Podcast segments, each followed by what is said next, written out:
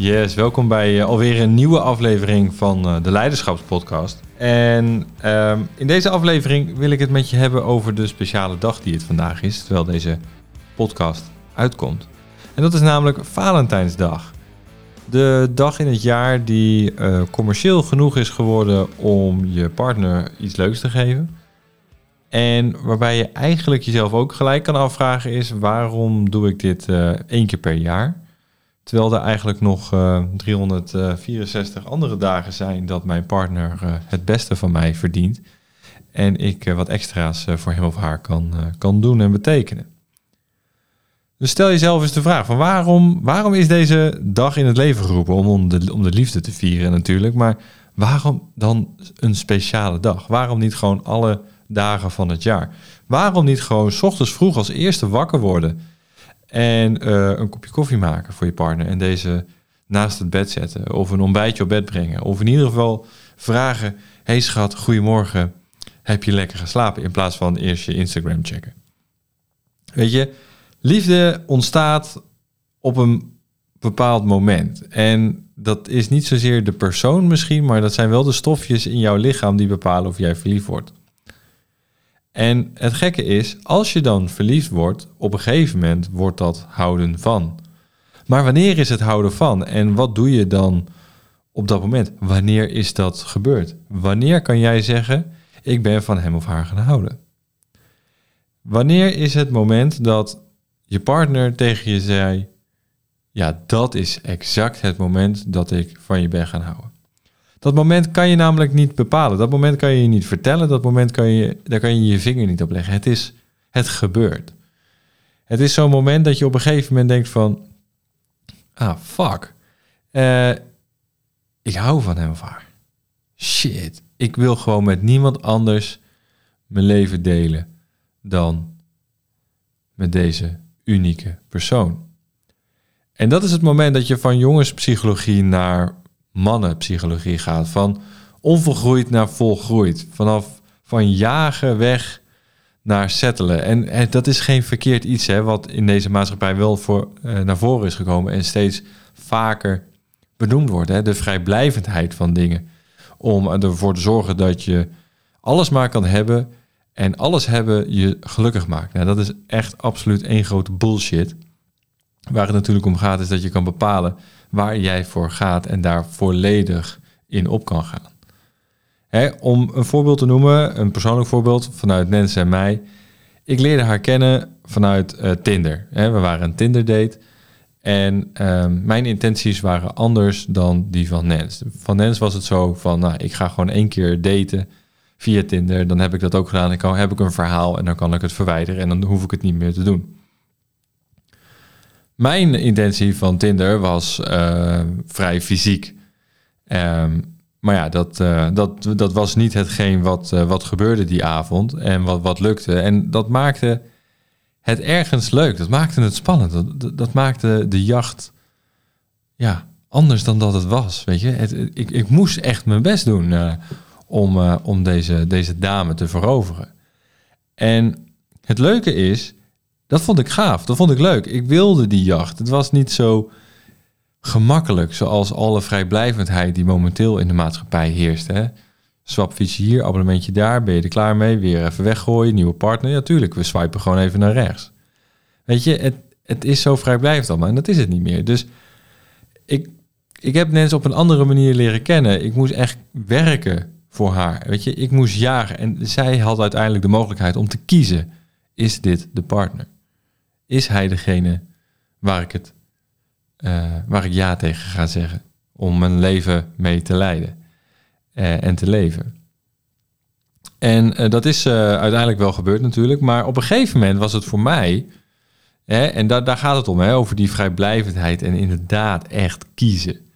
Voor mij was het op een gegeven moment dat het te dichtbij kwam. Ik vond het doodeng. We waren ongeveer een maand, anderhalve maand verder.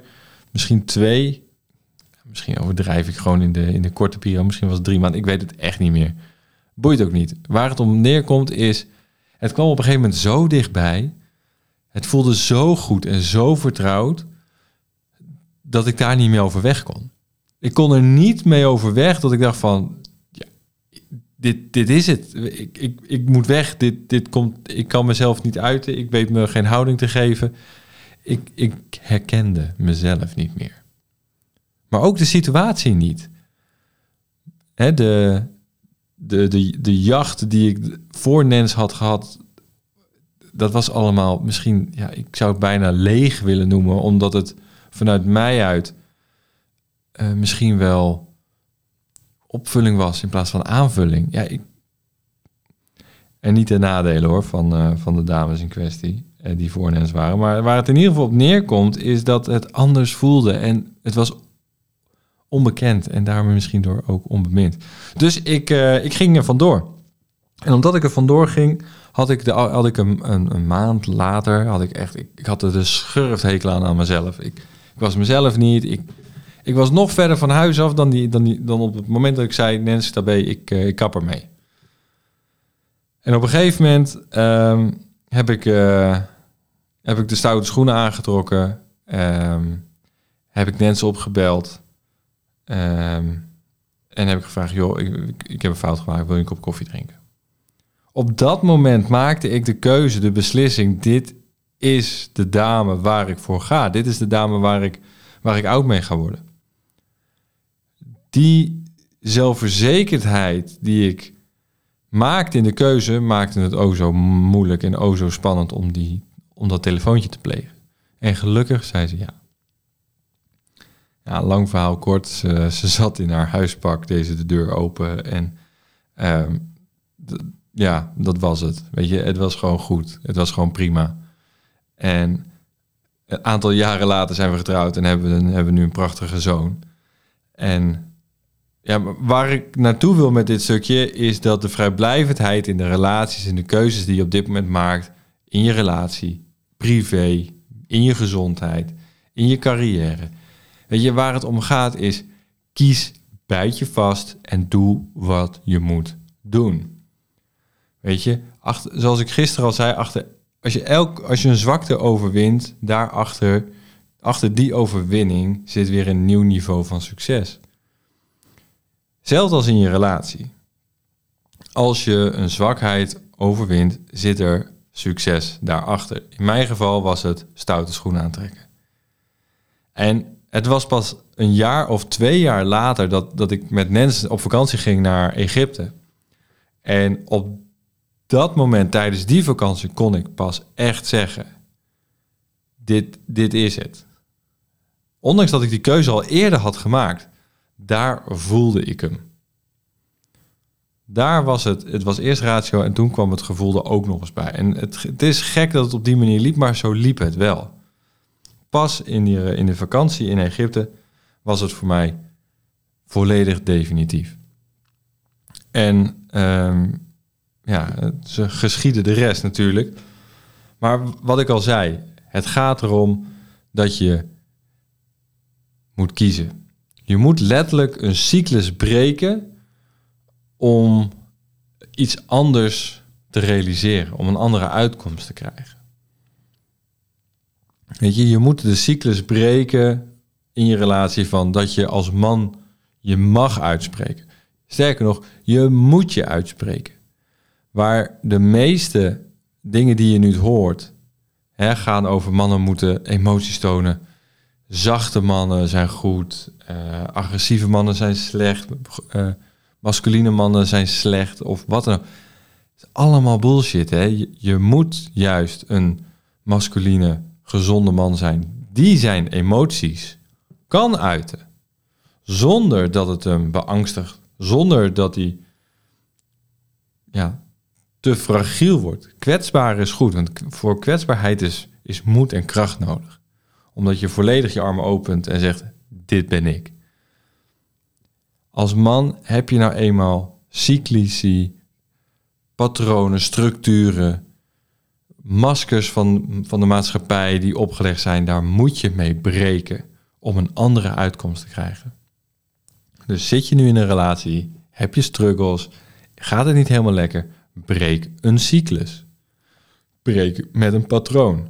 Ben je single en ben je er echt klaar mee dat je single bent, breek een cyclus. Breek met een patroon. He, kap bijvoorbeeld met jagen als je in de kroeg staat of in de discotheek om, en maar te sniperen of maar wat dan ook te doen. Ga het anders aanpakken. Breek een cyclus.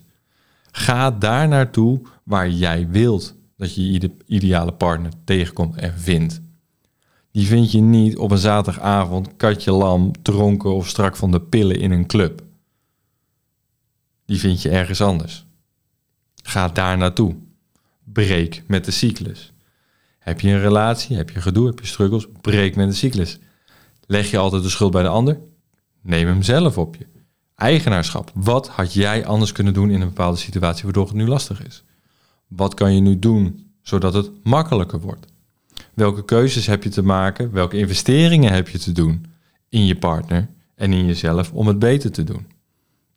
En dat is een van de redenen waarom Nens en ik vorig jaar gezegd hebben: we gaan een relatiereis organiseren. Voor een aantal stellen die de verdieping in willen, de relatie willen versterken en op een diepere laag willen connecten met elkaar.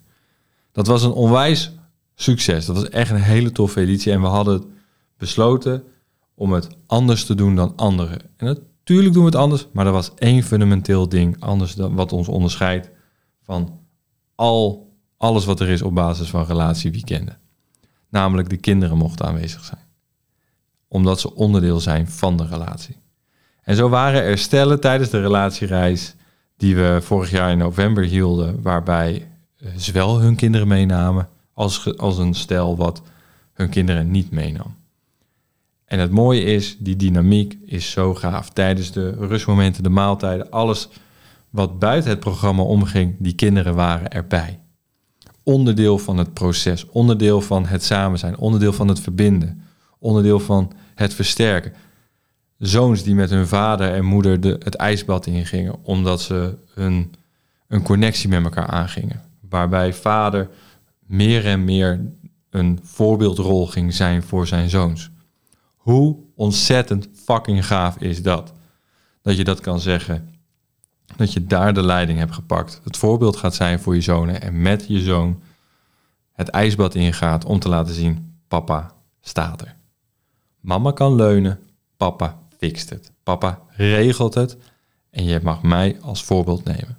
Want zonen gaan zich gedragen naar het voorbeeld wat ze krijgen van hun vader.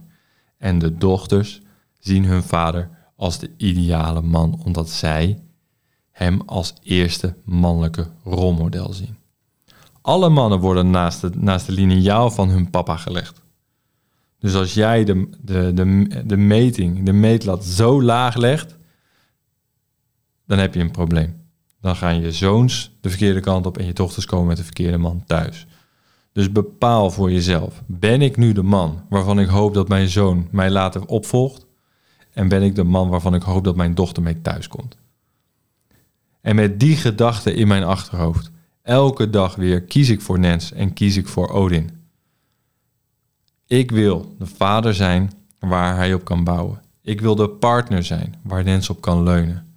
Ik wil die pilaar zijn, zodat zij haar ding kan doen en hij kan opgroeien en zich kan ontwikkelen. Dat is voor mij het, hetgeen waar het om gaat binnen een relatie. Dit is het punt waar het voor mij om gaat als het gaat over Valentijnsdag. Niet het commerciële gelul, maar waarvoor doe je het? Voor wie doe je het? Wat ga je ervoor opofferen om dat allemaal te doen? ik kan ook nog steeds zeggen, ik ga de kroeg in, ik ga de club in, ik ga van alles en nog wat doen. Maar ik weet dat ik dan kostbare momenten er niet ben. Dat ze niet op me kunnen bouwen en dat ik er niet ben voor zijn ontwikkeling. En als jij nou ook voelt dat je zo'n zo'n diepe stap te maken hebt, die en heel spannend is, maar de uitkomst oh zo mooi, dan eh, kan ik je nu in ieder geval nu vertellen dat we een nieuwe relatiereis gaan organiseren, 5 tot 7 mei. En je kan in de link in de beschrijving kan je wat meer informatie vinden. Um, maar waarbij we dus weer verder de diepte in duiken met een aantal stemmen, met zes in totaal maximaal, dit keer. En het, het gaat net zo gaaf worden, zo niet, het gaat het 100% overtreffen, want we weten nu wat er gebeurt, welke emoties er komen, welke opdrachten uitdagingen, challenges, gesprekken, glimlachen, tranen van geluk. Welke verbindingen er allemaal ontstaan in zo'n weekend. En het is dus nu de week van Valentijn. Dus het is aan jou om je partner wellicht het mooiste cadeau te geven. Het meest passende cadeau wat er is. Niet een bloemetje, niet een luchtje. Maar echt een cadeau waarin je de diepte induikt met elkaar. De verdieping opzoekt. Eigenlijk zeg je daarmee: Ik wil een weekend lang investeren in ons, zodat ik weet en voel dat we nog jaren door kunnen. Dat we kunnen groeien, kunnen bouwen, door kunnen ontwikkelen en elke dag weer opnieuw voor elkaar kunnen kiezen. Met als resultaat een lang en gelukkig leven samen tot de dood ons scheidt. Een van de andere aspecten is scheiden, maar daar gaan we nog wel een andere, andere podcast over opnemen. Over de impact die dat heeft op de vader-moeder dynamiek en met je kinderen. Maar het gaat erom, als jij als man de leiding wilt pakken in een relatie, wat helemaal niet slecht is, want als jij de kaders zet, kan de vrouw inkleuren. Als jij als man kaders wilt zetten, zet een kader.